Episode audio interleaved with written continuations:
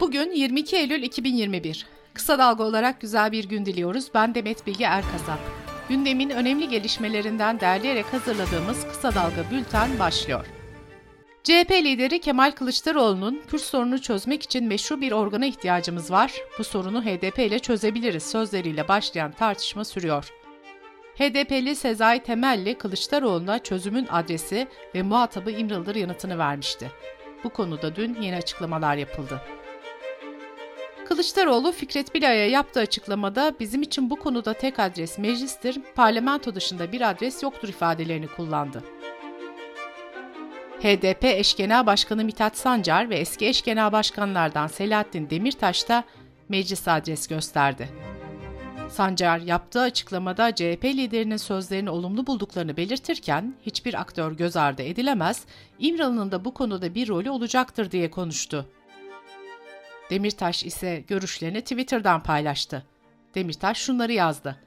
HDP, Kürt sorunu dahil olmak üzere Türkiye'nin tüm sorunlarının çözümüne taliptir. İrade sahibi siyasi bir aktördür ve elbette muhataptır. Çözümün adresi de doğal olarak meclistir. Sezai Temelli ise çözümün adresi ve asıl muhatabı İmralı'dır sözleriyle ilgili yeni bir açıklama yaptı. Temelli, bu kişisel görüşümdür, partiyi bağlamaz. Çatışmayı önleme ve demokratik bir çözüm bağlamına dikkat çektim, dedi.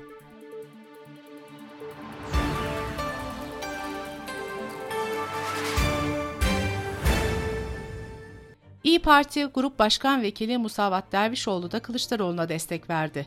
Muharrem Sarıkaya'ya konuşan Dervişoğlu, HDP'li meclis başkan vekili oturumları yönetiyor ve hepimiz de onun yönetimine katılıyor muyuz? Bu meşru mu, gayrimeşru mu tartışmasına en iyi cevaptır dedi. MHP lideri Devlet Bahçeli ise Kılıçdaroğlu'nun sözlerine tepki gösterdi. Bahçeli, HDP'yi meşru organ görmek demek PKK'yı muhatap almak demektir mesajını paylaştı.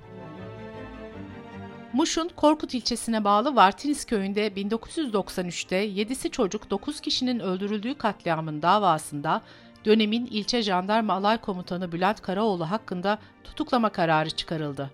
Dava 4 Kasım'a ertelendi. İnanç Özgürlüğü girişimi 2020 raporu açıklandı. Geçen yıl din ve inançla bağlantılı 14 nefret suçu ve olayı tespit edildi.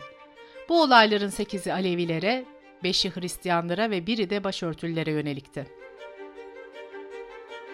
Kilis'te bulunan Öncü Pınar sınır kapısında bir araçta yapılan aramada 31.950 tabanca mermisi ele geçirildi. İstanbul Sarıyer'de bulunan yatılı Kur'an kursunda kadrosuz belletmen olarak görev yapan FÖ'nün 4 erkek çocuğa cinsel istismarda bulunduğu iddiasıyla açılan davada 188 yıl 6 aya kadar hapsi istendi. ABD merkezli İnsan Hakları Kuruluşu Freedom House'un 2020 İnternette Özgürlük raporu açıklandı. Raporda Türkiye 100 üzerinden 34 puanla özgür olmayan ülkeler arasında yer aldı. Yüksek kiralar, sınırlı yurt imkanları nedeniyle Türkiye'de üniversite öğrencileri büyük bir barınma sorunu yaşıyor. Öğrenciler Türkiye'nin birçok kentinde eylemler yaptığı geceyi sokaklarda geçirdi. Kiralar çok yüksek, ev bulamıyoruz, yurt da yok diyen öğrenciler birçok arkadaşlarının kayıt olmadan geri dönmek zorunda kaldığını anlattı. Yargıtay sosyal medyada soyadı kullanımı ile ilgili emsal bir karara imza attı. Eşinin sosyal medyada evlenmeden önceki soyadını kullanmasından rahatsız olarak boşanma davası açan koca haksız bulundu. AKP Grup Başkan Vekili Numan Kurtulmuş, Z kuşağı tartışmalar üzerinden bir algı operasyonu yapılıyor. Z kuşağı olarak tanımlanan kuşakta AK Parti açık ara birinci partidir diye konuştu. Covid-19 gelişmeleriyle devam ediyoruz. Sağlık Bakanı Fahrettin Koca, 18 yaş ve üzerinde en az 2 doz aşısını olanların oranının %50'yi geçtiğini duyurdu. Zonguldak Valiliği 17 Temmuz'da yapılan Biontech aşısının bozuk olmadığını ancak koruyucu etkisinin azalacak şekilde uygulandığını belirterek aşıların tekrar edileceğini açıkladı. İzmir'in Torbalı ilçesinde koronavirüs testi pozitif olduğu halde pazarda tezgah açan iki kişiye 3450 lira para cezası kesilerek karantinaya alındı. Almanya'da bir müşteriden maske takmasını isteyen 20 yaşındaki kasiyer öldürüldü. Cinayet şüphelisi koronavirüs önlemleri nedeniyle stresli olduğunu iddia etti. Amerika, Kasım ayından itibaren ülkeye giriş yapacak yabancı ülke vatandaşlarından tam aşı olunduğuna dair belgenin yanı sıra negatif COVID test sonucu isteyecek. Sırada ekonomi haberleri var. Türkiye Bankalar Birliği'nin raporuna göre bu yılın ikinci çeyreğinde takibe düşen bireysel kredilerde rekor artış oldu.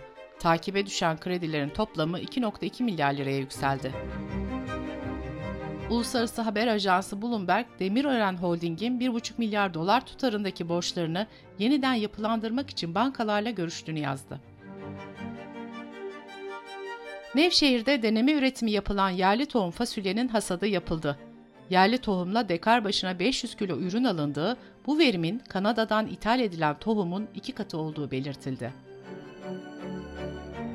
Kuraklık nedeniyle Siirt'te fıstık üretimi %50 düştü. İç piyasada geçen yıl 70 lira olan fıstık fiyatları bu yıl 90 liraya çıktı.